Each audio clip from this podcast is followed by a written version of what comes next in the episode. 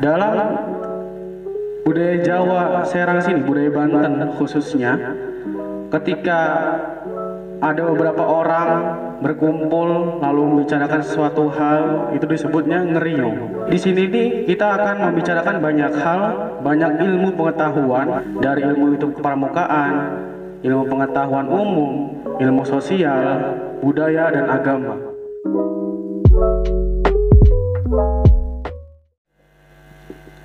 Ya, Bismillahirrahmanirrahim. Assalamualaikum warahmatullahi wabarakatuh. Bagaimana kabarnya pemirsa semuanya? Ya, untuk pertama-tama saya ucapkan selamat pagi, selamat siang, selamat sore, dan selamat malam bagi pemirsa yang menonton di rumah. Ya, tetap jaga kesehatannya, tetap jaga protokol kesehatannya karena pada saat ini corona masih membayang-bayang kita semua. Tetap waspada, jangan sampai imunitas kita turun dan sehingga kita bisa terkena virus COVID-19 ini. Oke. Selanjutnya saya ucapkan selamat datang Sugeng Rawuh ya di podcast kita episode pertama yakni yang dinamakan podcast ngeriung. Nah, dari nama podcast ini sebenarnya ada filosofinya. Teman-teman pemirsa semua. Nah, dalam budaya Jawa Serang sini, budaya Banten khususnya, ketika ada beberapa orang berkumpul lalu membicarakan sesuatu hal itu disebutnya ngeriung. Begitupun kita di sini, Bu. Jadi di sini ini di sini ini kita akan membicarakan banyak hal, banyak ilmu pengetahuan ya. Dari ilmu itu kepramukaan, ilmu pengetahuan umum, ilmu sosial, budaya dan agama. Nah, kebetulan pada hari ini kita kedatangan tamu yang sangat spesial ya. Beliau ini guru bahasa Indonesia di madrasah kita di MTS 1 Serang ya. Langsung saya perkenalkan, saya perkenalkan dengan Ibu Dewi Astri Andani ya Bu. Selamat datang Ibu. Gimana kabarnya Bu? Alhamdulillah luar biasa. Allah Akbar. Allah Akbar, Masya Allah. Saya semangat ya. Sangat semangat sekali Ibu ini ya. Memang jiwa mudanya masih sangat berkobar-kobar. Oke. Gimana Ibu Eh, untuk agenda hari ini lancar semuanya? Alhamdulillah lancar. Ya, walaupun masih dengan suasana pandemi ya, tapi eh, alhamdulillahnya sekarang sistem pembelajaran sudah bisa dimulai tatap muka walaupun belum bisa sepenuhnya. Tapi alhamdulillah. Alhamdulillah ya. Semuanya lancar. Nah, dengan Ibu Dewi Astri Andani ini kita akan mengupas tuntas mengenai pendapat dari kita membahas tentang pengertian pendapat dan lain sebagainya. Kita akan tanyakan langsung kepada pakarnya di sini ya. Kita kan di sini kan bahas pendapat Bu. Sebelumnya mungkin pemirsa di rumah itu pada belum tahu nih Bu, apa sih pendapat itu Bu sebenarnya? Yang dimaksud pendapat itu apa sih sebenarnya gitu kan? Bagaimana itu Bu? Ya, em, terima kasih untuk Kak Salman ya.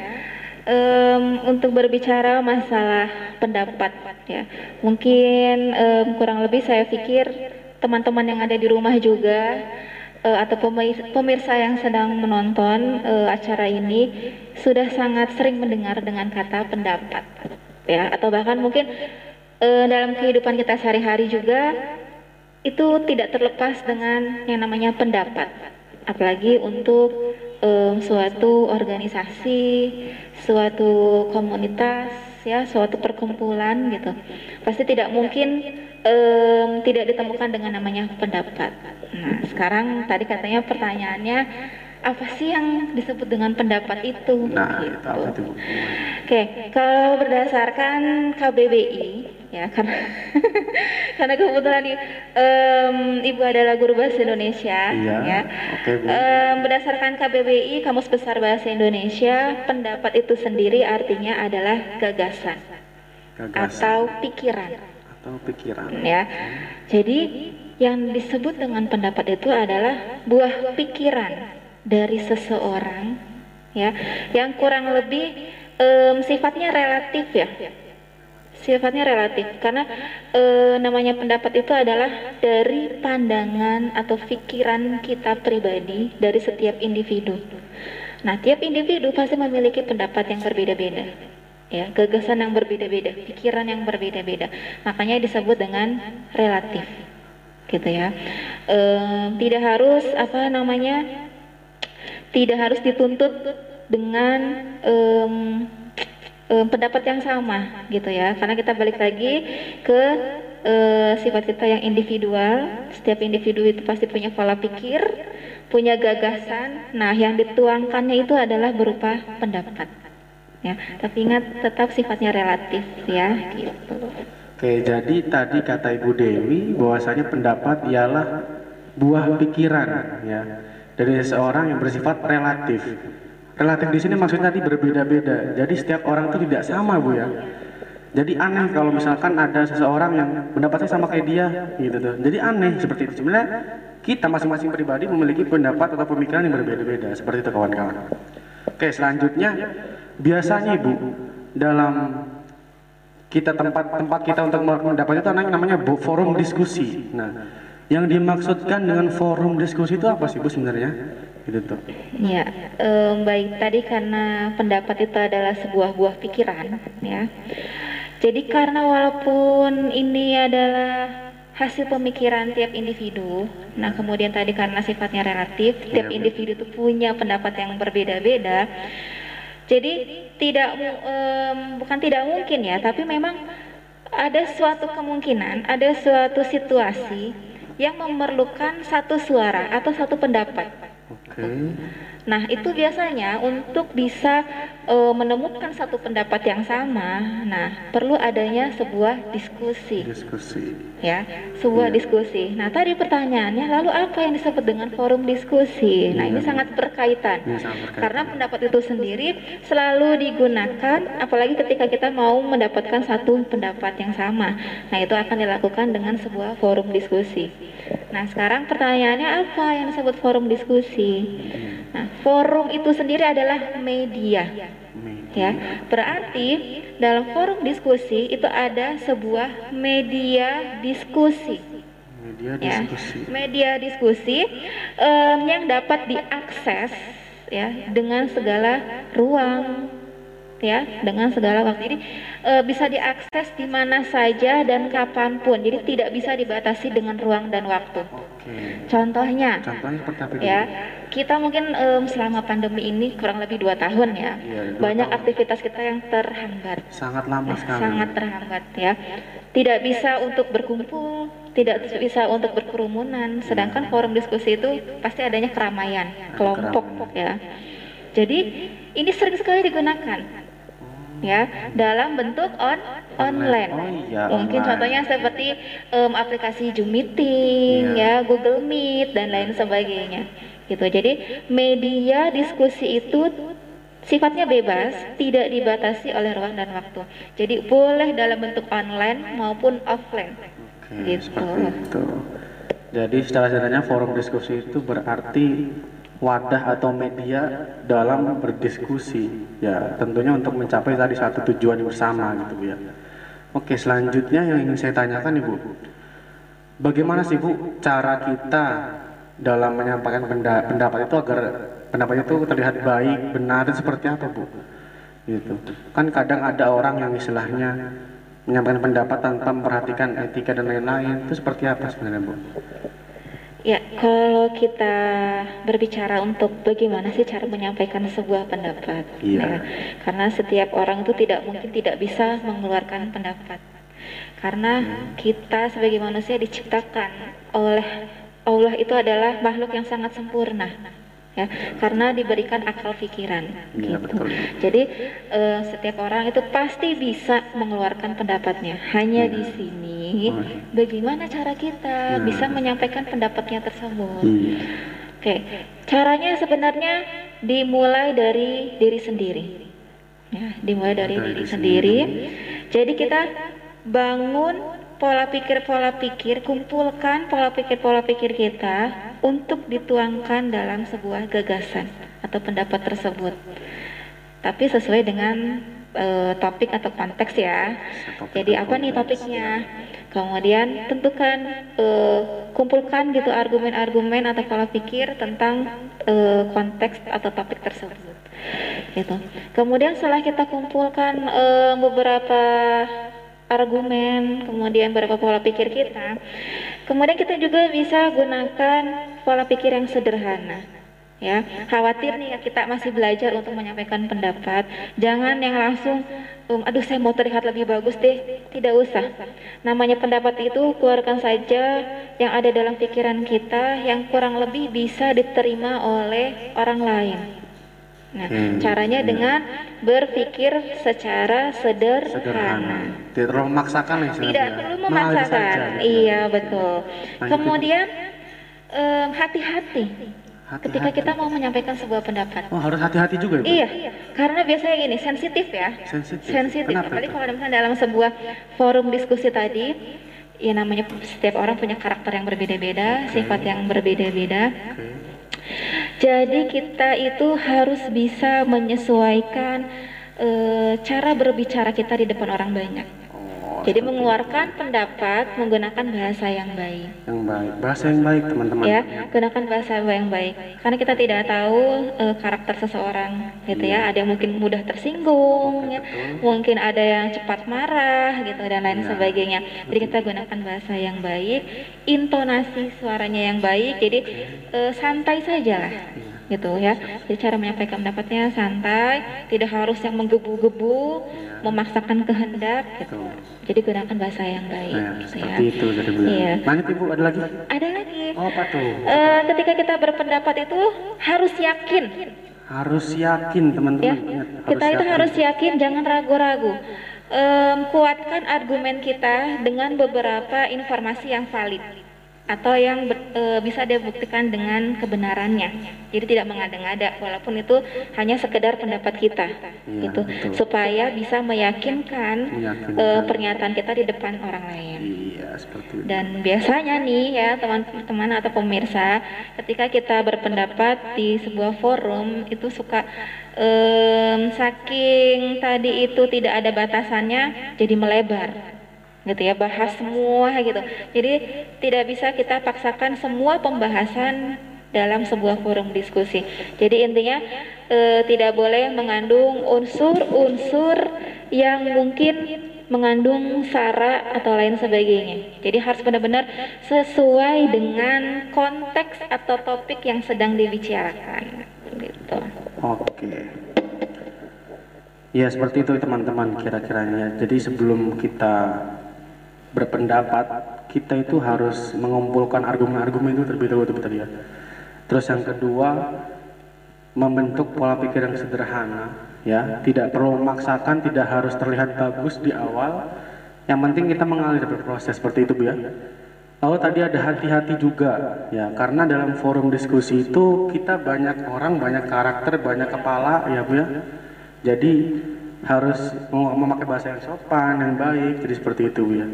Dan yang terakhir tadi ada yakin, ya, yakin itu kuncinya. Kita harus bisa meyakinkan diri kita terlebih dahulu dengan argumen kita tadi supaya argumen yang kita lontarkan itu meyakinkan orang lain juga Bu ya. Dengan didukung oleh sumber-sumber atau info yang valid tidak mengada-ngada seperti itu. Nah, itu tadi. Itu dia strip tips and trick bagaimana cara kita dalam berpendapat yang baik seperti itu. Lalu Ibu, setelah kita berpendapat dalam forum diskusi itu ada dong pasti ketika orang lain itu menyampaikan pendapat. Nah, misalkan kita lagi forum diskusi, kita mendengarkan teman kita menyampaikan pendapat. Nah, cara kita nih, cara kita untuk menanggapi pendapat yang ia lontarkan seperti apa sih baiknya gitu kan? Apakah kita harus menggebu-gebu lagi? Apakah memang harus diem aja? Atau ikut argumen juga? Gimana sih Bu tipsnya Bu biar istilahnya baiklah gitu Bu? Oke, eh, ketika kita berpendapat, ya, kemudian eh, ada orang lain yang berpendapat juga, kemudian kita ingin menanggapi pendapat tersebut, itu sebenarnya ada beberapa cara. Karena memang ketika kita mau berpendapat di sebuah forum itu benar-benar harus diperhatikan ya harus sangat memperhatikan situasi dan keadaan dalam forum tersebut, gitu ya. Jadi hal yang pertama, cara kita untuk bisa menanggapi sebuah pendapat dari orang lain itu adalah menggunakan bahasa yang baik. Baik di sini itu sudah berarti ya sopan gitu ya, tidak mengeluarkan kata-kata yang kasar gitu ya. Kemudian tidak apa namanya? Tidak ada bahasa yang mungkin istilahnya tidak mudah dipahami oleh orang lain. Jadi benar-benar gunakan bahasa yang baik, sopan dan bisa dipahami oleh banyak orang gitu ya, terutama. Kemudian yang kedua, ketika kita menanggapi pendapat, itu jangan sampai ada menyakiti. Ya, ada kata-kata atau hal, sikap, baik ucapan, pendapat kita itu eh, tanggapan kita yang menyakiti orang tersebut ya atau menyakiti atau uh, menyela lah ya pendapat menyela, orang ya. lain tersebut ya. gitu. Jadi jangan sampai menyela uh, pendapat orang lain ya karena ini namanya kita memiliki pola pikir yang berbeda-beda. Jadi hak-hak saja mereka mau berpendapat seperti apa. Yang penting tadi tidak keluar dari um, konteks atau topik yang dibicarakan gitu. kemudian yang terakhir yang terakhir apa nih uh, ini mungkin sering sekali terjadi ya ketika nah, dalam forum apalagi ketika kita mengeluarkan gagasan tidak boleh memotong pembicaraan. Nah, ini nih poin penting. Ini yang paling penting nih ya. Paling Ketika kita mau menanggapi, ya, jangan sampai kita ada um, perbuatan ya untuk memotong pembicaraan orang lain. Kita dengarkan dulu tanggapannya, ya. Kemudian dengarkan dulu misalnya pendapat uh, orang lain tersebut kemudian baru kita berargumen. Itu pokoknya jangan sampai memotong pembicaraan. Jangan sampai memotong pembicaraan lain. Jadi tadi tipsnya yang pertama tentu menggunakan bahasa yang sopan. Pertama harus itu. Itu harus wajib nomor pertama itu ya. Diingat ingat oke? Okay? karena memang tadi sensi orang beda-beda lanjut yang kedua tadi apa itu? Bu lupa saya. Yang kedua itu tidak menyela. Oke okay, yang kedua tidak menyela karena pada hakikatnya kita dalam forum diskusi itu memiliki hak yang sama. Hak menyampaikan pendapat itu hak yang sama, tidak boleh dicela, tidak boleh direndahkan dan lain-lain seperti itu. Dan yang terakhir, poin penting yang terakhir itu jangan memotong pembicaraan orang lain. Jadi misalkan ketika dalam forum diskusi kita terus ada teman kita menyampaikan pendapat, tunggu sampai selesai dulu. Jangan sampai ketika dia belum selesai menyampaikan pendapat, itu kita potong nanti yang ada informasinya tidak akan sampai semuanya gitu kan. Seperti itu. Setelah selesai baru kita berbicara. Seperti itu bu ya? Oke selanjutnya ini tentang sikap kita sih bagaimana sih bu kita harus bersikap ketika memang pendapat yang kita lontarkan itu tidak diterima oleh orang lain bu? Kita tuh harus gimana sih? Apakah kita harus gebrak-gebrak meja atau gimana itu bu? Seperti apa itu solusinya bu? Kan kadang ada banyak orang seperti itu bu ya. Baiknya seperti apa Iya, um, dalam forum diskusi ya tentunya pasti ada pendapat kita yang bisa uh, tidak bisa diterima gitu. Karena forum diskusi tadi tujuannya adalah untuk mendapatkan satu suara, mendapatkan satu keputusan ya yang sepemahaman gitu ya. Nah, ketika kita mau mengumpulkan satu suara tadi gitu ya, ketika pendapat kita tidak diterima atau ditolak gitu ya, sikap kita itu adalah harus tenang. Ya, sikap kita adalah harus tenang pemirsa. Tidak usah merasa takut, tidak usah merasa berpikir, oh argumen saya mungkin tidak berguna gitu ya. Iya, gitu jadi ya. sedih. Jadi berpikiran negatif tidak usah. Tenang dan berpikir positif. Gitu ya. Kemudian yang kedua, itu terbuka saja pikiran kita Ya, jadi memiliki pikiran yang terbuka. Artinya, ketika kita, pendapat kita ditolak atau tidak diterima dalam sebuah forum, pikiran kita terbuka saja. Oh ya, mungkin pendapat saya ada yang kurang atau yang mungkin perlu ditambahkan dan lain sebagainya. Seperti itu, ya. Kemudian jika memang kita di, tidak diterima pendapatnya, bisa juga dengan mengum, e, mengemukakan kembali pendapat kita, ya, tapi dengan pandangan yang lain. Istilah kita menambahkan pendapat kita supaya memperkuat argumen tersebut. Mungkin dari pandangan yang lain, ya. Iya. Mungkin yang pas pertama dengan pandangan A, Iya. kemudian ketika yang sesi dua karena sudah di- tidak diterima atau ditolak, kita gunakan argumen yang eh, misalnya. yang B misalnya lain. gitu ya, yang lain, pandangan yang lain supaya memperkuat. Tapi misalkan pandangan kita yang B tadi tetap tidak bisa diterima, Iya. kita harus tetap bersikap lapang dada. legowo lah legowo saja bahasa ya. tenang lapang dada eh, menghargai ya. Dan kemudian tadi boleh mengemukakan pendapat dari pandangan yang lain. Mungkin itu. Ya jadi poin intinya kita boleh menyampaikan pendapat tapi jangan sampai baper istilah gue ya. Jangan baper di forum diskusi pemirsa ya. Karena di diskusi itu banyak kemungkinan yang akan terjadi seperti itu. Kita harus tenang. Tadi ketika pendapat kita ditolak, tidak terima forum, harus tenang pertama kali bu. Tenang, jangan sampai istilahnya ya atau marah atau gimana atau kecewa jangan sampai terus juga berpikir positif juga ibu ya. Lalu ada tadi tentang apa? Yang ketiga itu eh kita harus mengganti pandangan kita. Misalkan pendapat kita tadi A, lalu kita ganti lagi dengan B, mengajukan lagi itu boleh, gitu kan? Seperti itu. Jadi harus legowo intinya, lapang dada seperti itu. Itu kuncinya bu ya.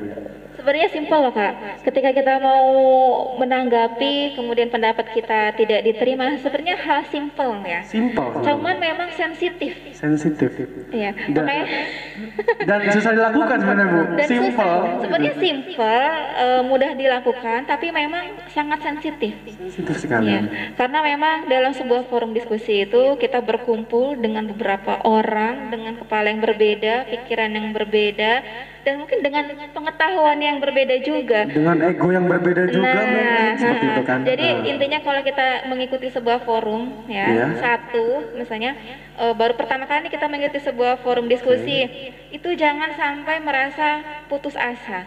Jangan putus asa. Iya, namanya kita proses belajar itu tidak mungkin mudah ya, tidak langsung bisa langsung em, apa namanya berhasil gitu. Berhasil. Jadi Proses. bisa mengikuti lagi nanti forum diskusi selanjutnya, selanjutnya supaya sudah banyak pengalaman. Iya, pengalaman.